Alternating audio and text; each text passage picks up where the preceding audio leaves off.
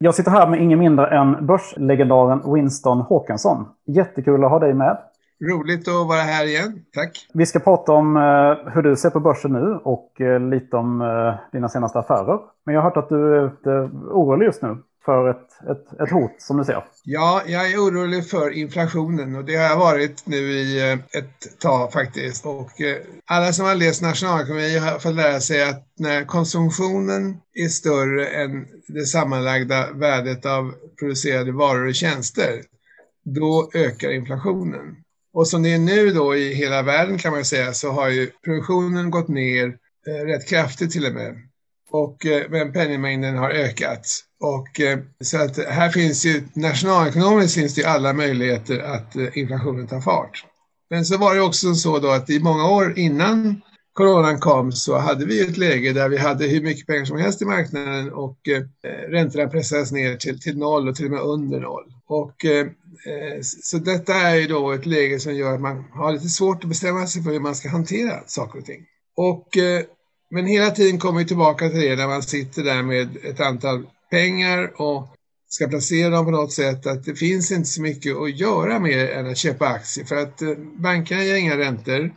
Obligationer är så dåliga räntor så att eh, ska man köpa obligationer som ger några bra ränta då kan man lika gärna köpa aktierna för de är så riskabla de där eh, obligationerna eller lånebevisen att, att de är, skulle jag avråda från. Så detta är liksom lite grann läget, sitter vi då här nu återigen i detta läge att eh, vad ska man göra med pengarna? Och, och, vad skulle kunna hända då om, om vi ser lite högre flöde? Och du är rädd för att eh, centralbanken höjer sina räntor och då ser vi börsfall på det? Eller vad är, vad är liksom det direkta? Ja, alltså centralbankerna kommer inte höja räntorna eh, än på ett tag för att eh, nu först så, så nu öser man ut pengar. Och eh, så att eh, det här kommer inte inträffa imorgon, det tror jag inte. Men, men eh, alltså på sikt så har vi en, man ser hur storheterna rör sig här, så på sikt har vi en, en storhet, nämligen utflöde av pengar jättestort och eh, motsvaras inte av, eh, av, av, tillverkning och handel med varor utan den, den utsläppet av pengar är mycket, mycket större. Och det, någonstans så kommer det här inte fungera längre. Men, då kommer ju eh, saker och ting att hända och, och, och bland annat då kanske eh, att, att eh, centralbankerna höjer räntorna. Men, men jag tror inte de gör det i första taget.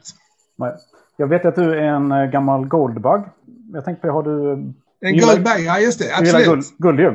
Ja. Eh, jag tänkte på det, silverpriset stiger ju kraftigt nu här. Har du även silvertillgångar eller är det? Nej, det har jag faktiskt inga. Och, och silverpriset, jag har sett också att det stiger och bakgrunden är lite att silver och guld har ju under många, om man tar en lång period, så har de där eh, rört sig i stort sett eh, parallellt med varandra. Och guld har legat, jag minns inte exakt, men det är någon kvot där som, som de alltid har legat högre än silver. Och eh, men den, det, det förhållandet bröts för ett antal år sedan faktiskt. Och sen har silver gått, eh, inte alls lika mycket upp, eller gått ner till och med, medan guld har klättrat vidare. Och varför den här, det här gamla historiska sambandet har, har försvunnit, det vet jag inte. Det kan ju bero på att, alltså det är ganska intressant vad som har hänt med guldpriset och centralbankerna. Och när jag noterat det så har många centralbanker under de senaste åren, de har kört på sig guld.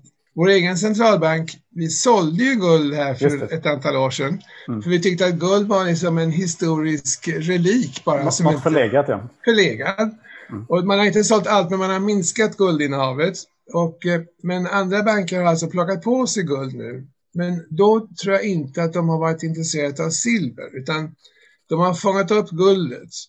Och då har silvret kommit på efterkälken. Det är den historiska anledningen till att de här, det här två metallerna som följdes åt ganska mycket, att den försvann, den, den relationen. Va? Men nu verkar det som silver har kommit igen och det är någon annan spekulation som kommit in här nu. Helt enkelt kanske bara att man tycker det är för billigt. Realvärden är ju alltid intressant om man är rädd för att inflationen ska ta fart så småningom. Och det är väl också det, det du tänkte på. Silver är väl lite intressant som industrimetall också. Särskilt om den har varit för billig. Liksom. Absolut. Liksom. Den leder ju, alltså som, som ledare är den väldigt bra ju, så att säga. Silver är ju mycket viktigare än guld som industrimetall. Och, mm. och, och så att eh, absolut, och menar, man gör ju, formgör ju, ju både smycken och konsthantverk och allt möjligt till silver fortfarande. Så att, eh, jag kan tänka mig att det är helt rätt. Jag vill inte rekommendera att man ska köpa silver, jag kommer inte göra det själv, men jag kan mycket väl tänka mig att det, det är nog inte fel att köpa lite silver. Alltså, det tror jag. Hur är det med dina guldinvesteringar nu då? Du... Jag har inga faktiskt just nu. Eh, jag gick ur dem faktiskt för att jag tyckte att de hade stigit så mycket i värde att det inte fanns så mycket kvar i dem. Men jag kan säga att jag har börjat att fundera på att återvända till guld igen här nu. Mm. Det, det, ligger i, det ligger på listan så att säga. Är det i form av Anglo-American då eller är det, är det fysiskt guld? Eh, ja, alltså eh, Anglo-American eh, gör ju inte guld längre. Du tänker på det här bolaget som heter Ashanti. Ashanti, ja. Och som kommer ifrån indirekt ifrån Anglo American. Anglo American var ett jättestort företag. De sålde bort sina guldinnehav för 20 år sedan ungefär. Och då, då eh, kom det här Anglo Gold Ashanti heter det tror jag. Då kom det bolaget till. Alltså, de har fusionerat ett par bolag under tiden. Men, men det är ett bolag som jag då, när jag tittade på det här för ett, snart ett år sedan, så eh, då tyckte jag att det var det absolut bästa guldbolaget. Alltså. Mm. Newmont Mining är ett annat bra bolag, men de har så mycket annat också. Så att, men, mm. men det finns ett par till som är väldigt bra. Mm. Barrick och vad det heter. Men eh, jag kan återkomma med en guldrapport eh, lite längre fram. Eh, just nu ja. har jag inga aktier så jag är inte så ja. uppdaterad på dem. Men jag tror att det är rätt idé att, att börja titta på det. Men om du kollar på, förutom inflationen då, vad, vad ser du just nu på marknaden då? Ja, alltså det är roligt att se att många av de här stora företagen kommer nu med rätt så bra rapporter trots allt. Jag tänker på de här senaste, till exempel Sandvik och ASEA och Electrolux och eh, Atlas Copco. Alla de här kända verkstadsbolagen har ju faktiskt kommit med rätt bra rapporter. Och, och, och det, är ju, det tycker jag är en eh, god tröst faktiskt. Och, och, eh, då har jag inte köpt så mycket aktier i de bolagen utan jag har då mer hållit mig till Investor istället, som vi har pratat om förut. De innehåller ju alla de där, inte Sandvik så mycket kanske, men alla de andra. Och det är väl ingen dum idé att fortsätta med det man får ju en bra riskexponering då, begränsad riskexponering så att säga. Och sen eh, så är man ju alltid på jakt efter nya roliga idéer och eh, det är inte alltid som de där idéerna går in med samma. Alltså elektricitet är ju eh, någonting som jag tror är jätteviktigt under lång tid. Problemet är bara hur man ska producera elektriciteten på ett smart sätt. Och det, det har jag inget riktigt bra svar på. Men jag håller på att forska i frågan tillsammans med en annan Goen. Men det är nog ingen tvekan om att elektricitet är väldigt bra alltså. Bara man hittar ett klimatsmart och effektivt sätt att producera det. Hur är det med, med vindkraft och solenergi då? Ja, jag sa ju nu effektivt. Det är inte så effektivt. Mm. Alltså, jag vet att det har varit en närmast hysteriskt intresse för vätkraft. Man möter eh, någon man aldrig hört talas om, en person man aldrig visste hade hållit på med aktier förut som ja, idag är det vätkraft som gäller, säger man när man möts i... Eh, oj, tänker jag. Nu är det, nu är det lite en sån här taxichaufförerna talar om vilka aktier man ska köpa. Då är det, mm. då är det lite fara och färde. Då är det säljläge. Ja, det tror jag inte det är vätkraft, men, men, men eh, det, det, kräver en viss eh, eftertanke och jag, jag, är inte där än måste jag säga. Men eh, om, om vi kollar sen sista, har du, har du köp, gjort några köp eller säljer du aktier nu? Nej, säljer jag egentligen inte. Det ska vara ett enstaka bolag som man rensar bort. Det senaste köpet jag gjort det var någon idé som du var pappa till. Det var Varta. Batteritillverkaren? Ja. Det är en vållat till historia ju. Det brukar göra eh, intressanta översikter över en del utländska marknader och eh, inte minst de tyska. Precis. Du har väl en speciell relation till tyska aktier efter jag förstår. Jo, det stämmer. Håller, och håller eh, idén om Verta tyckte jag var en väldigt kul idé, så att, eh, de satsade på. Ja, men den har, ju, den har ju rört på sig väldigt mycket här sista tiden. Ja, och, eh, just sista dagarna har de gått ner lite men det, det, är liksom, det behöver man inte bry sig om så mycket. Nej, den har ju varit hårt blankad och sådär. Men de har, ja. Blankan har ju lämnat aktien nu i princip. De sista ja, bra. dagarna. Här. Apropå blankare så var det en sak jag tänkte jag skulle ta upp också. Ja, berätta. Och det är, det är just blankarna som nu plötsligt dykt upp här. Mm. Igen för några veckor sedan. På, på den här eh, beryktade sajten eh, Reddit. Eh, Reddit, ja. Mm. Och eh, då vill jag säga bara det att eh, alltså, blanka aktier, det är det är bland det farligaste man kan göra. Man kan köpa en aktie och sen så går det inte så bra, men då har man kvar aktien tills man blir överbevisad att man har gjort fel. Mm. Men om man säljer en aktie man inte äger och lånar den aktien, då är, kan ju förlusten bli oändlig. Och eh, det där förstod ju då de här studenterna efter efter att de är de som finns där runt sajten Reddit. Så att de snokade upp då bolag som var hårt blankade utav professionella placerare. Och eh, alltså jag har alltid varit lite skeptisk till den här, eh, den här verksamheten med, med, med eh, fonder som, som då ska vara både köpa och sälja. För att eh, köpa är väl bra, men att sälja emot samtidigt det är alltid farligt alltså. Mm. Och de där fonderna har väl inte alltid gått så bra heller. Hur som helst, så det var med ett visst nöje jag då såg hur de hade gett sig på Nordea, äh, vet du, Nokia som är en aktie som jag har trott på rätt länge. Mm. Och eh, plötsligt så började Nokia röra sig. Mm. Och det tog lång tid för man förstår varför. Och eh, jag har med, med, stort nöje sett hur den Nokia har gått upp. Och den kommer nog att... Alltså det finns de som tror att det här bara är en tillfällig fluga då, men jag tror att eh, de som har blankat Nokia-aktier förut, och det är ju rätt seriösa institutioner, många av dem. De har ju då med, med tvingas att gå ut och köpa tillbaka de här aktierna för att deras eh, fondplaceringsbestämmelser tillåter de inte att ligga korta hur som helst. Och, eh, och då så har de och då blir det en masseffekt då. Det är många som då har blivit rådda att sälja Nokia för det har inte gått så bra som man tänkt sig. Och, och eh, i själva verket så tror jag att Nokia går väldigt bra och det kommer att bli en eh, det kommer att bli en fantastisk aktie. Så att jag har aldrig förstått den här blankningshysterin som har varit där. Aktien är upp 30 procent på en månad. Ja, 40 procent var den upp idag, men det kanske, det, den går upp och ner. Den går upp och ner. Men, men ja. ja. på en månad, det beror på. Jag kanske inte hade riktigt en månads jämförelse. Men, men eh, den har gått rätt bra nu. Så är det någon som hör det här som har Nokia så, tillåt, så vill jag föreslå att man behåller de aktierna. Man ska inte, ska inte passa på att sälja nu, utan det, det är ligga kvar den. Mm. en bra, bra placering. Och det är för att vi tror att 5G, 5G-nätet byggs ut då? Att det borde vara, ligga rätt Ja, de har ju alltså de har ju lyckats med, med det mesta när det gäller att, att bygga ut. Och eh, idag finns det ju egentligen bara ett par bolag kvar i den här klassen, förutom Ericsson då. Så att amerikanerna har ju nästan kastat in handduken där nu. Är det något mer du har köpt? Nej, egentligen inte så mycket nytt nu faktiskt. Utan jag har legat stilla med mina placeringar. Vad är det som har gått bäst då? Ja, bäst har ju de här eh, vaccinföretagen gått. Och eh, ett annat ett andra bolag som jag har haft länge som eh, Rothschild har gått ganska bra. Det är vaccinaktier, de tre största, sen kommer Nokia och sen så Jo, Genovis har varit eh, duktiga här också, men de har jag inte köpt nu. Men, men, eh, vilka, vilka är vaccinaktierna då, tänkte jag? Du kan det är eh, Vaxart som har gått upp eh, på en månad, de går upp 110 procent. Moderna har gått upp 65 procent och Beyond Vax som är en ett bolag som jag inte vill rekommendera, men jag råkar ha dem kvar fortfarande. De har gått upp också på 61 procent.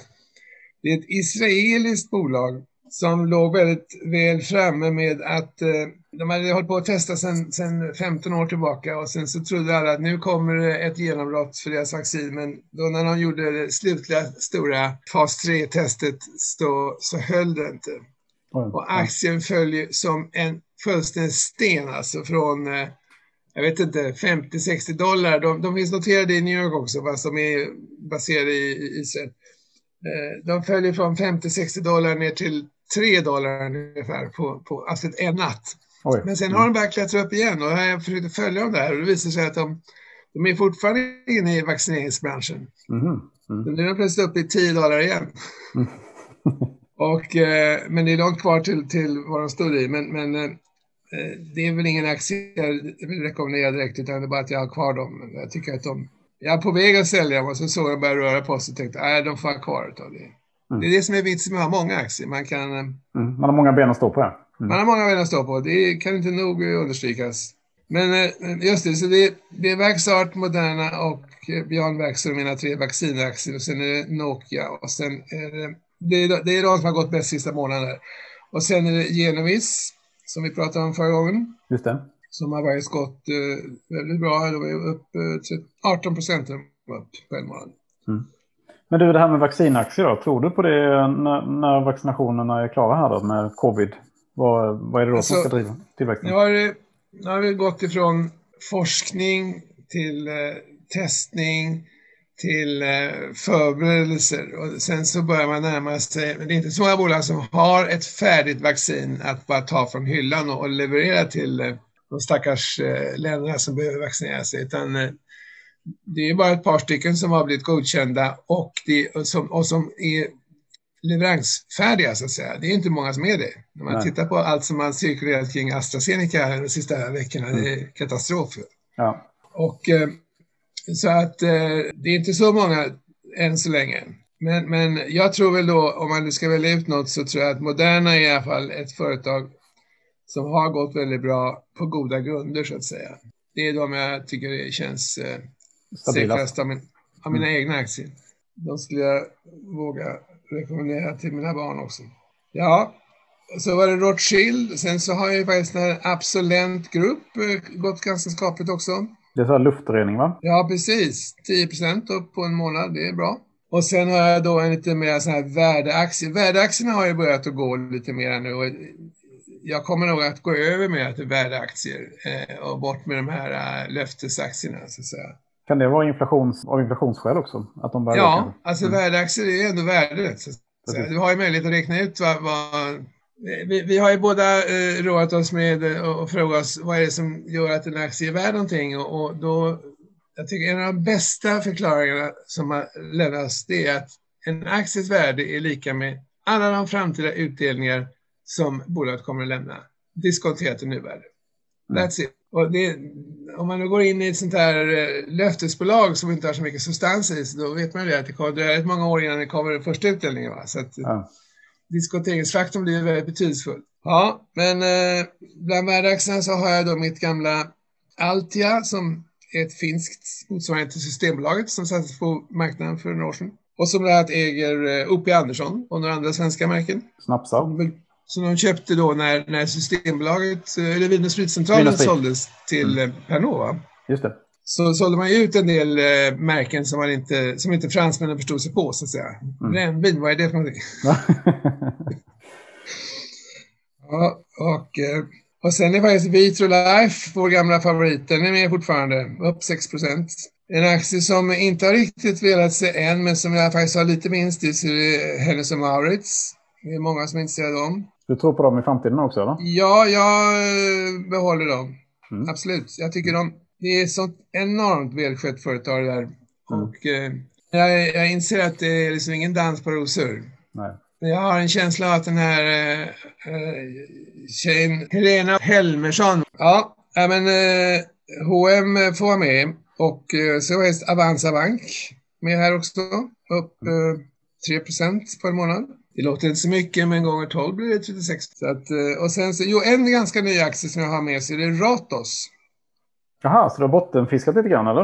Kan man säga. Jag köpte Ratos för någon månad sedan, kanske en och en halv. Det var i eh, december någon gång där. Vi har sett att några fonder har tagit in den också. Ja, och ja. Eh, alltså jag har eh, till och från följt Ratos under ett lång tid. Jag, jag, jag tror att eh, P.O. Söderberg som är ordförande i den här styrelsen, det är en duktig kille. Mm. Och kommer ifrån familjen Söderberg som ju har ägt Ratos hela tiden kan man säga. Och, och, eh, men han är duktig och, och eh, klok och kul kille. Jag har träffat honom några gånger. Och eh, han startade här Söderberg Partners. Just det, rådgivning. Som är ett mm. finansförvaltningsbolag som hjälper eh, framförallt privatpersoner med deras både ekonomi och placeringar och bokföring och allt med. Och eh, han, han, gjorde det utan att stoppa in en enda slant själv. Alltså. Han bara organiserade bolaget. Och så hade han en massa lediga finanskonsulter som kunde hoppa in. Eh, det här bolaget sprutar pengar. Alltså. Mm. Men det är han väl själv efter jag förstår. Men, men så det är en klok kille. Och eh, den aktien ger ju också lite utdelning faktiskt. Mm. Inte så mycket, men det gör ju inga aktier idag, men de ska göra det så småningom. 1,7 procents direktavkastning. Ja, det är ju för lite. Alltså, de, de, de låg ju på en 4-5 procent, ännu mer när det var problem där. Och Novo Nordisk har med också. De har väl inte varit den här jätteglädjeämnen, men de är i alla fall med en liten vinst. Upp 2,29 procent i år. De har ju börjat att satsa nu på de har ju varit världsledare på, på enzymer sedan 1923 eller något sånt där. Nu har de börjat satsa på eh, ett problem som framförallt amerikanska ungdomar har, nämligen övervikt. och eh, har forskat fram då eh, mediciner mot övervikt. Och, och, eh, det där tror jag kan bli en, en mycket stor grej. Alltså det är så, Nordisk är ett tillräckligt stort bolag för att kunna, om någon tror på någonting så kan de satsa ganska stort på det. Så där, där tror jag, för den här diabetesmarknaden den är ju tyvärr fortfarande växande, va? Men, men eh, det här kommer bli ett viktigt komplement till, till Novo Nordisk. Precis, det låter som det en, en, finns en stor marknad för det i alla fall. Det finns en jättemarknad för det i, i, i, i den eh, så att säga, överkonsumerande västvärlden. Alltså. Ja. Amerikas spetsen. Ja, ja, men det är väl de som är gått bäst här av mina egna aktier. Gamla favoriter som eh, JP Morgan har inte riktigt velat eh, rosa marknaden på ett tag nu här i år. Nej. Men jag har kvar dem förstås. Och, och eh, CTT System som gör, sysslar med luftfuktning av flygplan. Mm, det var en aktie som, jo, men alltså de rasade totalt förra året, men sen kom de igen. Och gick ganska bra under hösten och vintern. Men, men eh, nu har de, eh, de har inte rasat direkt, men de har tappat fart. Och, och, det beror på att, eh, alltså jag tror att många har ju då tänkt sig att den här covid-pandemin, den, den, den, om den inte ökar så minskar den och om den minskar så betyder det att den snart är slut. Och fullt så enkelt är det ju inte, har vi lärt oss nu. Nej. Så att eh, börsen gick ju ner som en sten då i, i mars, februari-mars förra året. Och, men reste sig väldigt snabbt får man ju säga. Ja, verkligen. När, när den här enorma centralbanksinterventionen eh, kom. Och sen har det inte då, sen har det gått ganska bra. Sen har det då på senhösten där så, så redan i oktober var det ett ordentligt fall och sen kom det flera fall.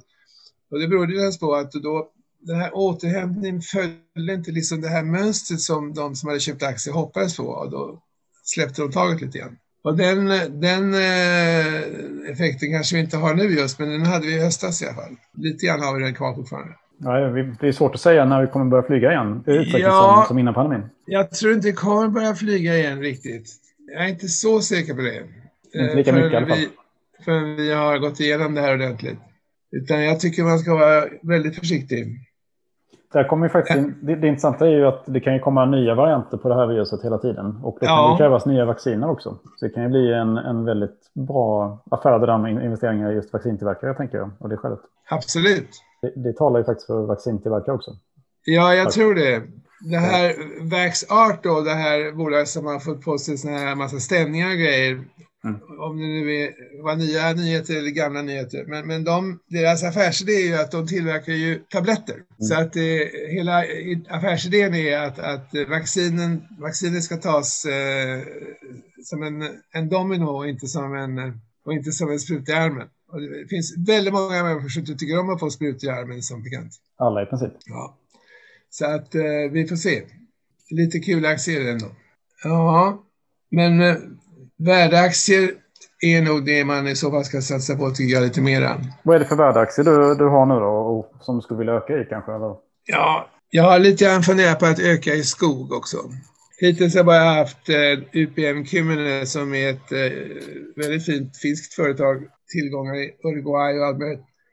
Men jag tror att både Cellulosabolaget och, och som jag inte har några än, men jag kan tänka mig att det är nog ett ganska bra köp på sikt. Möjligen Billerud. Jag har inte läst på dem tillräckligt, men Cellulosa tror jag kan. De är nog inte så dumma.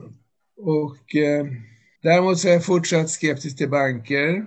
Du var verkligen, eh, undvek verkligen bank ordentligt va? Särskilt svenska banker. Ja, jag har inte haft några svenska banker på flera, flera år. Och eh, av olika skäl. Men nu är det närmast att eh, just eh, går, om inflationen går upp så är inte banker bra heller. Nej. Så att eh, nu har jag i och för sig såg jag ju då att eh, S-banken de kommer med ett ganska skapligt resultat tror jag. Så att eh, jag är inte lika säker på min sak. Men jag, eftersom jag inte sysslar med blankningar så behöver man ju bara avvakta med köp. Precis. Lite enklare.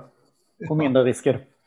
Mycket mindre risk. Så att det är, ja. Men hur är det? Du, du tycker att börsen ändå är lite högt värderad just nu eller? Ja, alltså jag tycker att det är det. Det finns väldigt mycket intecknat nu så att säga.